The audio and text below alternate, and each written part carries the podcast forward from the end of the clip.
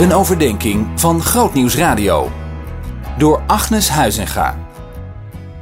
In deze adventstijd, nu we toeleven naar de komst van Jezus Christus op aarde, het vieren van zijn geboorte, hebben we het thema bij de hand meer dan overwinnaars, zoals dat in Romeinen 8 staat. We zijn meer dan overwinnaars in de nieuwe tekst, maar wij zegevieren in dit alles glansrijk, dankzij Hem die ons heeft liefgehad.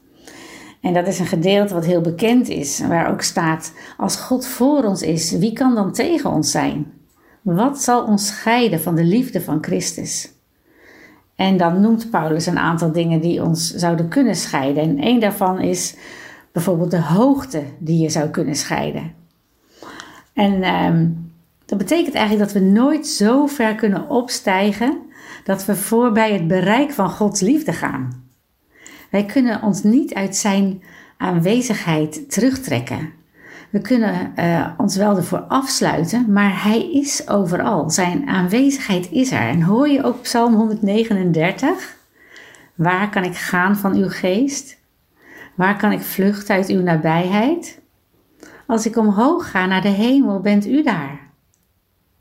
Gods liefde omvat de schepping, het universum. En hij komt naar jou en mij toe binnen die anderhalve meter.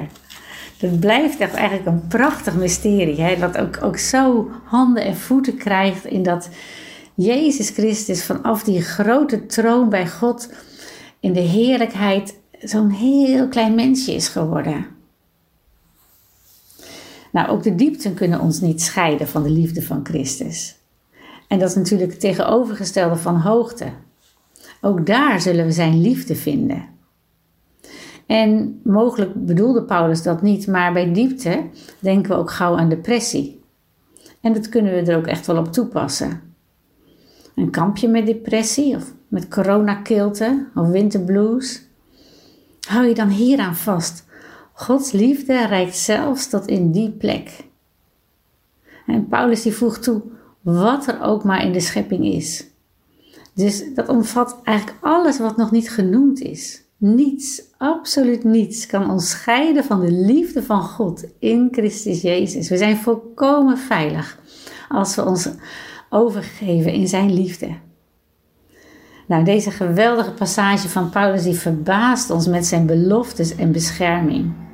We mogen vier recht opstaan, meer dan overwinnaars.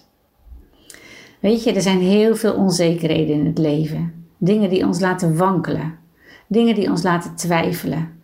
Maar elke keer als we het gezicht van Jezus zoeken, in Zijn nabijheid zijn, ons openstellen voor Zijn geest en voor de waarheid van Zijn woord, mogen we weten tot in het diepst van ons hart, Gods liefde faalt niet.